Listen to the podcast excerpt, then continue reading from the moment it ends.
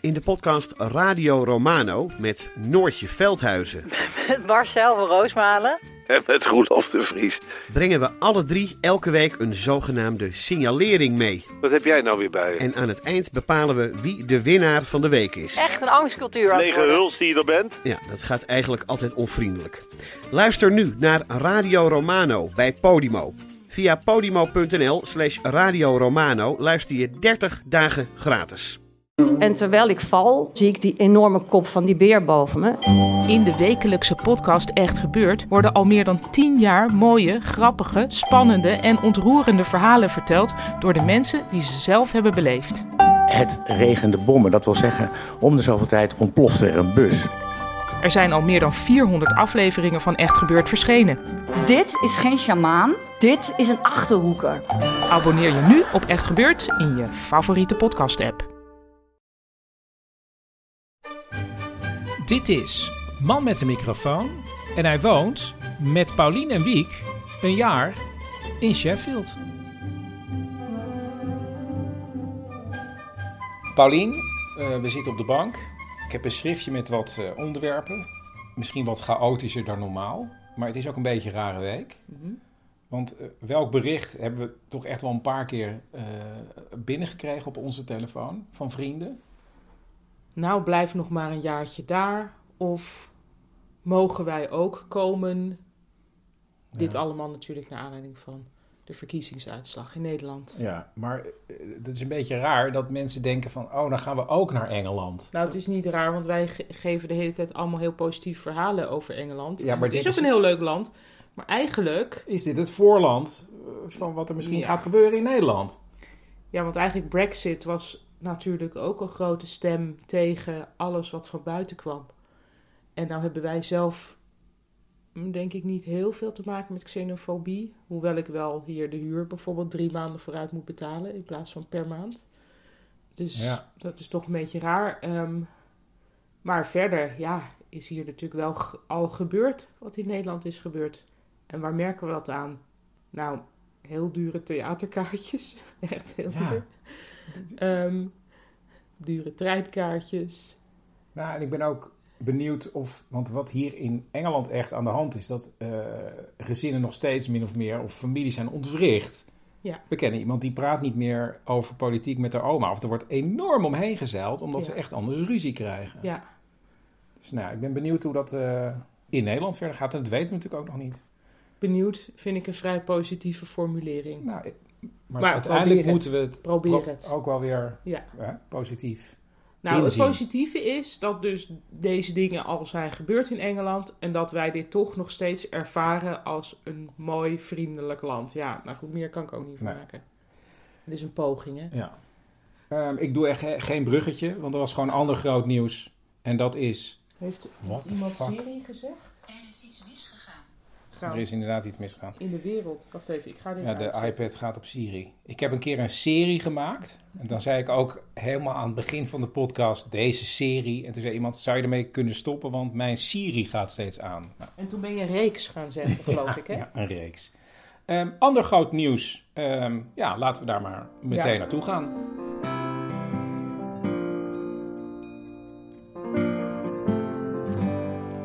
Wiek, ik heb even een vraag ehm, over Sinterklaas. Want ehm, wij wonen nu in Engeland. Ja, dat weet Eh, iedereen. Dat weet iedereen. En toen zagen we op een gegeven moment het Sinterklaasjournaal. Sinterklaas was op weg naar Nederland. Hoe zit dat dan in Engeland met Sinterklaas? Nou, ik ben heel goed in onderhandelen. Dus ik heb dit ook weer voor elkaar gekregen. Ik heb namelijk eens een keer op de kaart gekeken en gezien dat Spanje, van, met de boot gezien, dichter bij Engeland ligt dan bij Nederland en België. Dus als Sinterklaas naar Nederland en België komt, moet, zal hij eerst langs Engeland komen. Ha, ha, ha. En wat gebeurde er toen? Want hij was onderweg naar Nederland. Op zaterdag kwam hij daar aan. En wat gebeurde er hier bij ons in Engeland? Nou, Nou, je zei, we- jij ging onderhandelen. En toen zei je, hij komt eerst langs Engeland. Dus dan kunnen wij op vrijdag al een schoen Ja. zetten. En dat hebben we ook gedaan. Wie de gaart. Nou, moet er nog een, een, een wortel voor het Nee, paard? van Ja, stoomboot. maar die moet er nog een wortel. Ja. De stoomboot uit Spanje weer aan. Hij brengt ons Sint-Nicolaas, ik zie hem al staan. En is hij hier toen langsgekomen? Ja, blijkbaar wel, want er lag een chocoladeletter met de, van de W. Dat was het grootste pakket van iedereen. Oké. En hoe zit dat dan eh, met pakjesavond, denk je? Geen idee. En heeft, heeft hij dan hier pieten in Engeland zitten? Of zijn het dezelfde pieten die hier heel snel heen komen rennen of heen rijden? Hoe, hoe moet ik dat voor me zien? Ik denk dat hij een rattenkolonie inhuurt. Die dan via het riool binnenkomt. Dat is best wel handig, want wij hebben niet echt een schoorsteen. Dus ik denk dat, er, dat hij gewoon ratten huurt die dan via de schoorsteen, via het riool naar binnen komen. Ratten? Ja. Oké. Pas, denk je dat Sinterklaas door het riool past? Maar ratten, hoe kom je daar nou weer bij? Ik heb Ja. nog nooit een verhaal met ratten en Sinterklaas. Ja, denk je dat vogels door een rioolbuis passen? Oké, maar opeens komt het via een rioolbuis het huis binnen. Ja, wij hebben geen schoorsteen. Dan moet het wel via het riool. Ja. Oké, dankjewel Wiek. Nou, ja, graag gedaan.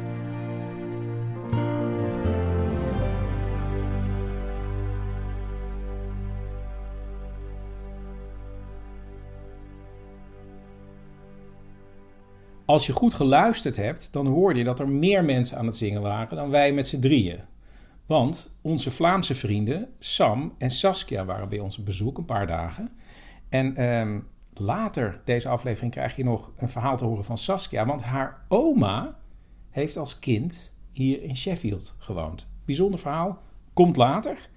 Ehm, want eerst willen we het nog even hebben over. eh, we zeiden vorige keer dat eh Wiek een feest had op school en hij moest zich weer verkleden. Want Engeland is het verkleedland per sang, zou je kunnen zeggen. Ja. Wat stond er nou in de brief van school? In de brief stond expliciet van... We verwachten niet van u dat u speciale outfits gaat aanschaffen. Voor het echt- Romeinenfeest. Ja, sorry. Het was voor, om af te sluiten dat ze over de Romeinen hebben geleerd. Dus van, nee, doe gewoon een laken om. Allemaal prima. Niemand hoeft verder iets te kopen. Dus wij van, oké, wij lenen een laken bij Jet. Want wij hebben zelf alleen maar lakens met van die elastieke randen. En dat ziet er niet Romeins uit. Nee, we leren Wiek, kijk, als je hem zo een beetje omslaat, Ja, nou, dat ziet er dan min ben of je meer uit als Romein. een toga. Prima. Nou, Wiek had een fantastische dag. Het was allemaal heel erg leuk. Dus wat ik nu ga vertellen, hij heeft er niet onder geleden. Maar hij dus vertelde wel dat verder vrijwel iedereen En er waren nog twee andere kinderen met een laken. met een laken... De rest had allemaal gewoon een in de winkel gekocht Romeinenpakje. Ja, Dus wat was dan die hele brief?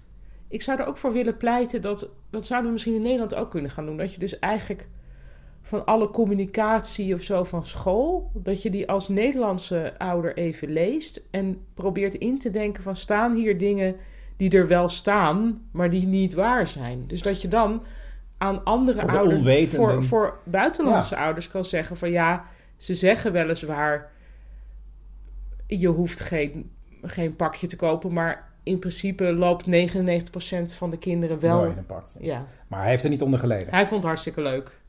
Wat ook heel leuk is, is dat ze een zogenaamde reading challenge hebben op school. Ja, Dus er wordt eh, gelezen thuis door kinderen. En die moeten dan bijhouden hoeveel bladzijden ze hardop voorlezen aan hun ouders. Nou, Wiek leest eh, een- een verhaaltjes voor voor wat lager niveau. Maar dat gaat eigenlijk steeds beter. gaat heel goed. En er is één doos in de klas.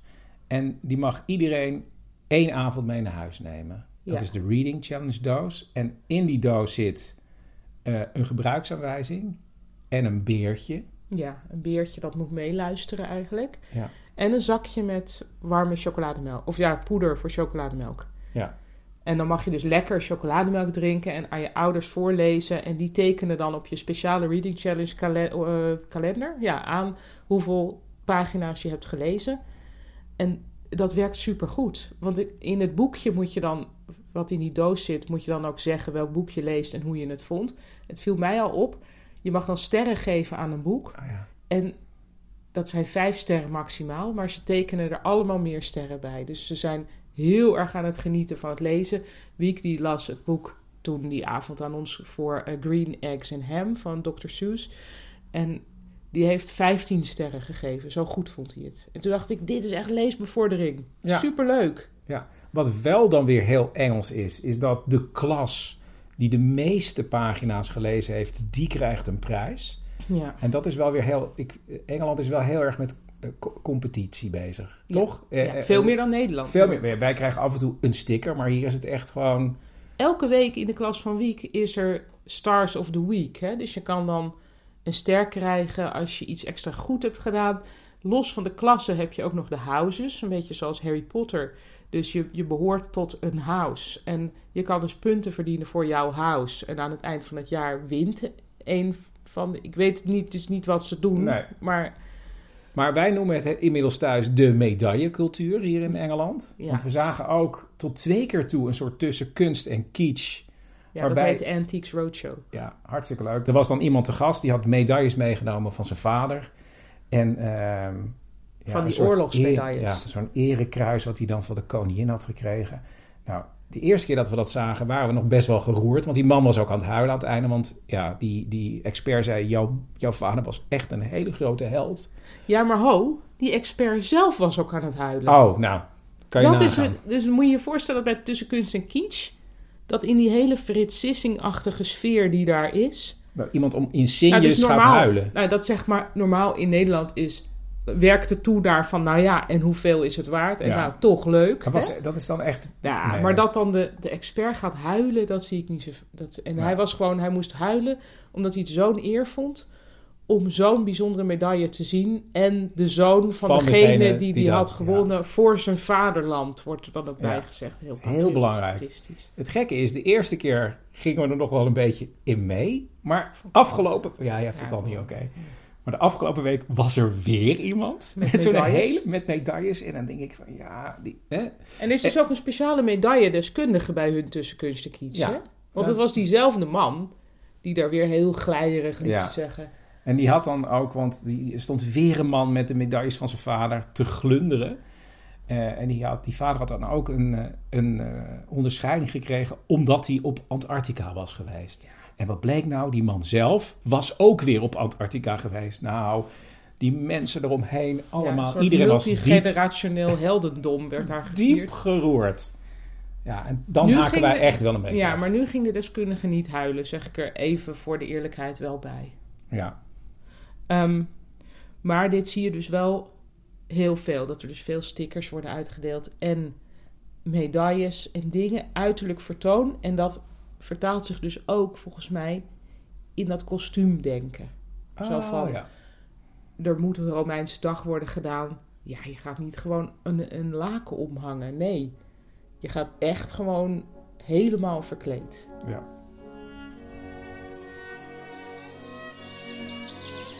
Dit is Sheffield's Natuurhoekje. Koekoek. En deze keer, Paulien, gaan we met het natuurhoekje heel dicht bij huis blijven. Namelijk min of meer ja, op de hoek. Wiek, we gaan iets heel bijzonders bespreken. Ga er maar op staan. Misschien kan jij het gewoon vertellen. Wij hebben dus gezien op een app voor verkeer en waar je allemaal routes op ziet. Daar stond, er is een L in deze boom. Dat had iemand erop gezet. Dat was al best wel uit. En kijk, nu zie ik mama kijken. Hij zit er. Ehm, wij hebben dus een Nou, het grappige is, ja, nou, op Google Maps staat gewoon een uil. Je maakt nu reclame voor Google Maps. Oh, je probeerde eromheen te praten. Ja. Oh, wat slim. Ja, maar er komen dus af en toe mensen hier met hele grote camera's om onze uil te fotograferen. Ja. Ja, er komen dus. En wij, daardoor weten we het. Nou, dan hebben we hem ook gezien. Ja, ik zie hem nu naar ons kijken van. Ja, wie zijn dat daar? Ja, hij verstaat natuurlijk geen Nederlands. Het is een Engels uil. Hij ziet er wel echt wijs uit. Maar wij weten het dus van een aardige jongen die ons heeft geholpen. En die zei van, kijk, hier kan je de uil zien. Ja, daar hebben we eerst op die camera gekeken en vanaf dat moment wisten we, oh, in dat gat daar, daar zit de uil. Ja, dus vanaf nu kunnen we hem ook echt zien. Aha. En we zien hem, we zien hem ook. oh. We zien hem ook vaak na school en zo. Nou, onze eigen uil op, eh, nou, nog geen 100 meter van ons huis. Ja. En dan gaan we weer. Dit was Sheffield's Natuurhoekje.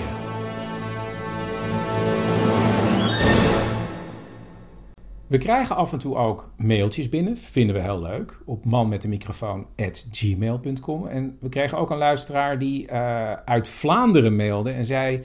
Ja, ik hoorde een gesprek met Philippe, jouw Vlaamse collega op de universiteit. En eh, wat mij opviel, schreef hij, is dat Philippe ABN spreekt. Maar hoe zit het eigenlijk met het Vlaams op de universiteit? En toen dacht ik, dat is misschien even aardig om aan Philippe en Jet te vragen.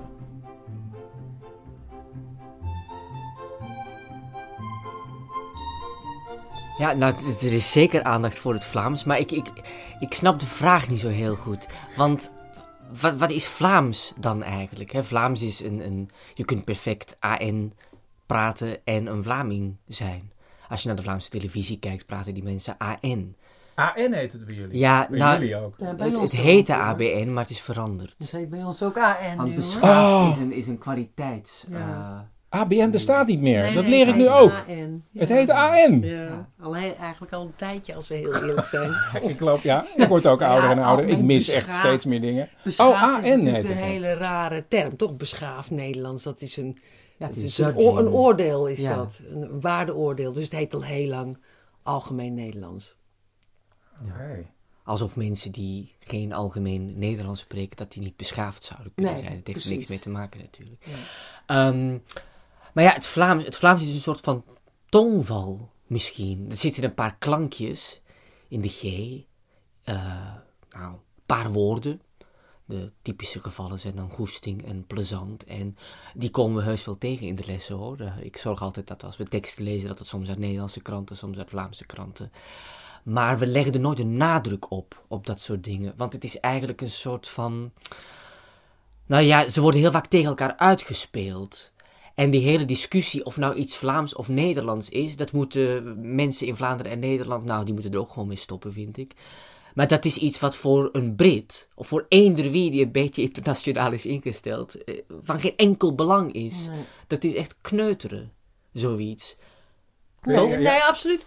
Eh, het is, eh, wij vinden het helemaal geen zinvolle discussie. Dit is leuk voor rond de dorpspomp in de lage landen, maar wij doen niet aan die onzin. In de zin van, je gaat toch als je Engels studeert, gaan ze ook niet zeggen, haha, dat is Schots, of haha, dat is Welsh, of hey, dat is heel Amerikaans. Het is gewoon één taal die in verschillende, hè, ze zeggen ook pluricentrisch. Je hebt het Noord-Nederlands, Nederlands, dat spreek ik dan. Je hebt het Zuid-Nederlands, Nederlands, dat is Philippe. En dan heb je Surinaams-Nederlands als derde. Maar wij, wij fetischiseren, wij fetischeren. Ja, Zeg jij dat het woord eens? Wij fetischiseren, denk ik. Ja, ik denk het. Ja. Het Nederlands niet. Verschillen niet. Nee. En- We, nee. we leggen de nadruk op wat ons bindt Ja. en niet op wat ons scheidt. Eh, ja, dat- dat is het eigenlijk gewoon. En een student, hè, som- eh, sommige studenten gaan dan op hun, hun, hun buitenlandjaar. De ene gaat naar Groningen, de andere gaat naar Gent. En die komen dan terug met verschillende, Ja. nou ja, woordjes die ze hebben opgepikt ergens. Hè. Die zeggen dan opeens savakes of merciekes. Eh, en die andere gaat dan weer met een heel erg rollende Noord-Nederlandse R praten. En dat is ook gewoon leuk, dat moedigen we aan. Dat, dat, dat, ja, dat snappen ze zelf ook wel, dat dat helemaal geen, geen ding is. Eh, Eigenlijk staat- moeten we omarmen, begrijp ik van jullie, dat we gewoon één ontzettend groot taalgebied zijn en allemaal Ja, bij elkaar horen. In de internationale context is ook dat de enige overlevingsstrategie. We kunnen toch wel allemaal in hele kleine vakjes en verschilletjes gaan opdelen. Maar daar schieten we natuurlijk helemaal niks mee op. Het staat bovendien stoer om te zeggen, we hebben één taal. Maar we hebben verschillende pluricentrisch, verschillende varianten. Maar het is één taal. Nou, Ja. ik vind dat stoer. Vind je niet? Ja, ik ook. Ja, vinden wij stoer. Ik ook. Maar ik begreep zelfs dat jij eigenlijk Frans-Nederlands bent opgevoed qua taal. Nou ja, nou, in België word je natuurlijk sowieso Ja. een beetje met, met, met het Frans eh, opgevoed. En eh, nou, ik had een familie die best vrij eh, naar het Frans neigt, eh, zou ik maar zeggen. En ja, dat, maar dat, ik ben ook niet anders gewend dan, die twee talen. Dus daarom zeg ik ook altijd, ik ben Belg. En ik weet nog, ik ging een keer naar de, naar de Vlaamse ambassade, Flandershuis heet dat, in Mhm. Londen. En toen vroeg iemand me dat ook. Eh, ik stelde me voor en, en, en eh, het, het was een Brit, denk ik. En ze vroegen, waar kom jij vandaan? En ik zei, oh, I'm, I'm Belgian. En toen kreeg ik daarna van een, een vrouw die, die het gesprek gehoord had, die kwam dan aan mij vragen, waarom zeg je eigenlijk dat je een Belg bent? Waarom zeg jij niet, ik ben een Vlaming? Ja, zie, ik- ja omdat ik allebei ben. Een En laag. ja, dat is politiek gelaagd. Ja. Maar misschien daarom dat ik ook... Ik ben er niet zo voor, voor, voor opdelen en, en dingetjes. Ik denk gewoon, kijk, het land is België. Daar kom ik vandaan. Ik ben een Belg.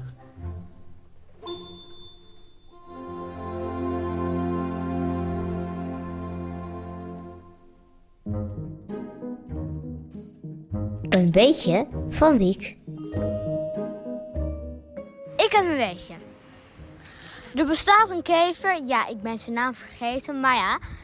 ehm, die, ja, zelfs als er een auto overheen rijdt, door zijn sterke schild, toch nog gewoon levend blijft. Dit is handig, want waar hij leeft zijn er vaak lawines. En als hij dan onder zo'n lawine komt, dan is hij niet dood. Nou, dit was mijn weetje.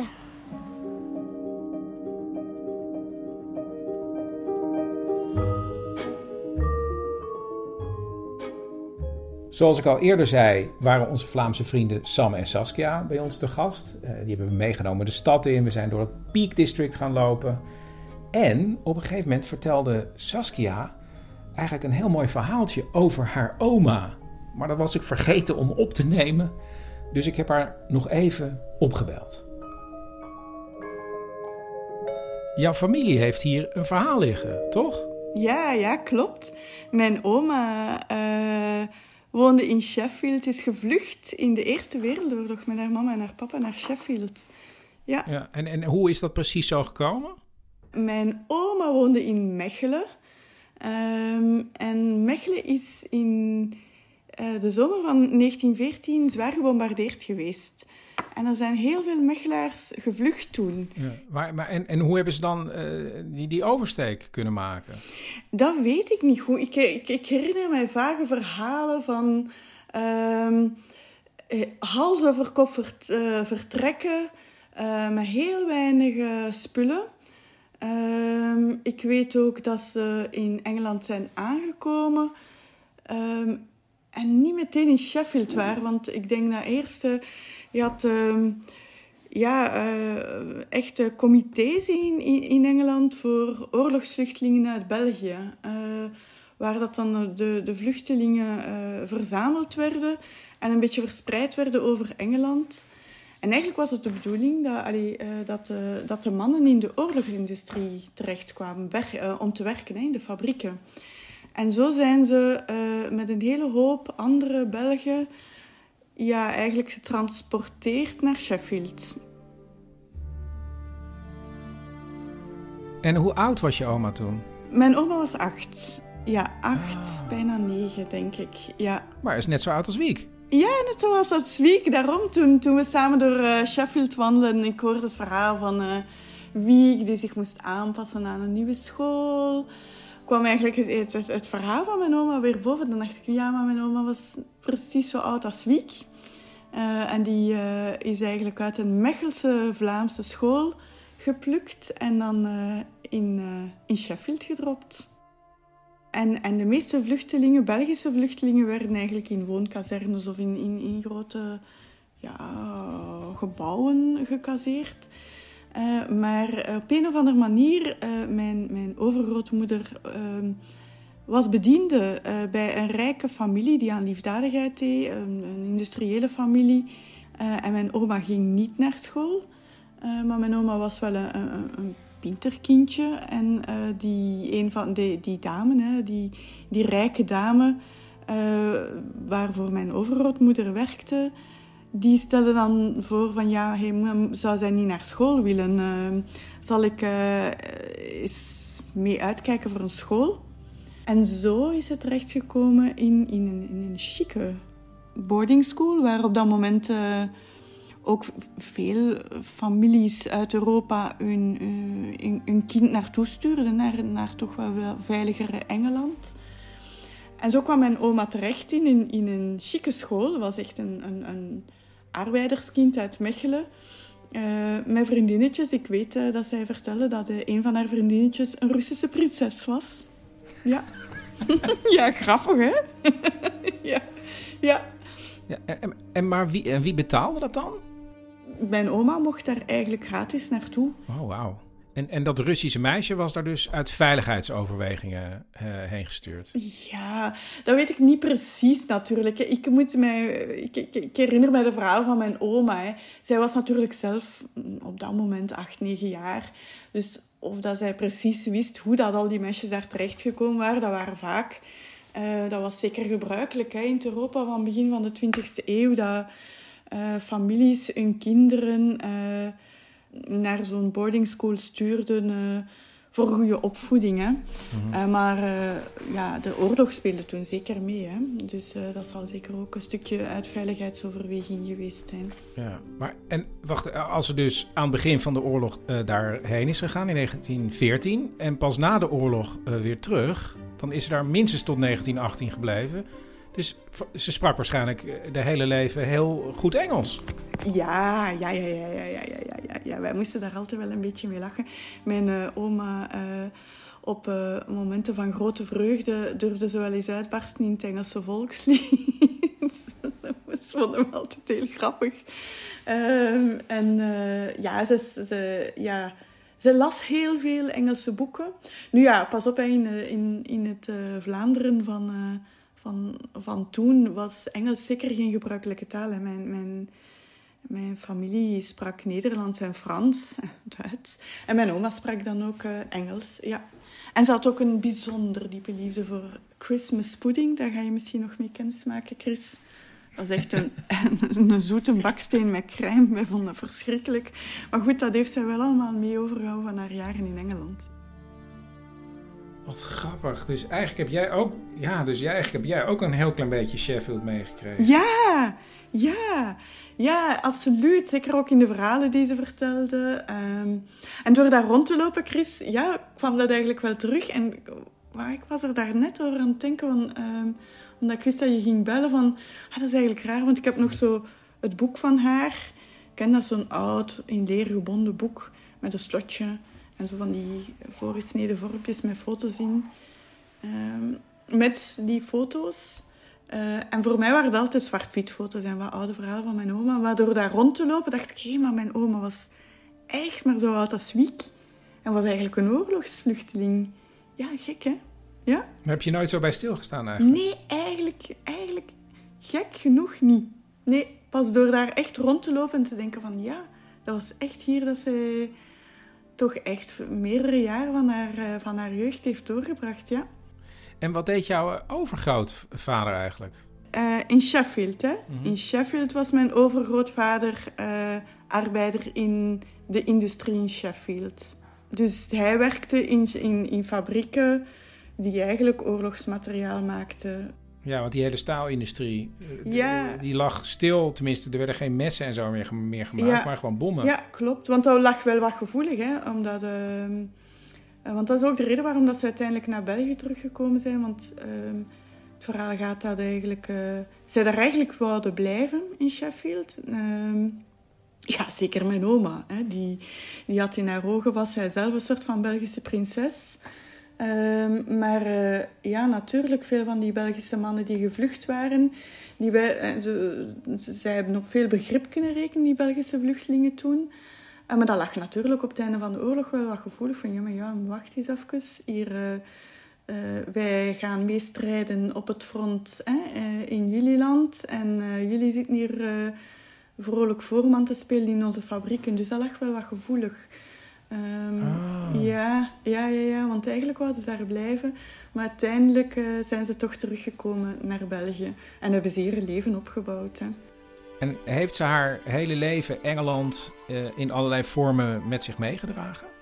Ze heeft er nog veel van meegedragen. Gewoon ook gewoon door die ervaring. Hè. Dat is gewoon een totaal... En moet dat je inbeelden, een, een vrij arm arbeidersgezin dat in zo'n omgeving terechtkomt... Ehm, bijvoorbeeld, zij had eh, eh, vier kinderen, waarvan drie dochters. Eh, en in die tijd was het niet zo gebruikelijk dat, je mocht studeren, maar zij stond erop dat haar dochter studeerde. En dat was echt wel wel mee geïnspireerd van, ja, door in die andere omgeving eh, ehm, gezeten te hebben. Dus ehm, ja, ik ben er wel van overtuigd dat dat heel vormende jaren voor haar geweest zijn. Zeker weten. En uiteindelijk dus voor jullie ook? Ja, ja, dat dat ja, eigenlijk eh, meer dan 100 jaar later nog kan nazinderen. Maar dat klopt wel. Dat is echt wel waar. Ja. Ik zeg het ja, voor mij zijn die zwart-wit fotoboeken. Plots eh, ja, hebben we wat meer kleur gekregen door, door dat bezoek aan Sheffield. Ik had dat eigenlijk niet verwacht, maar ik vind het mooi.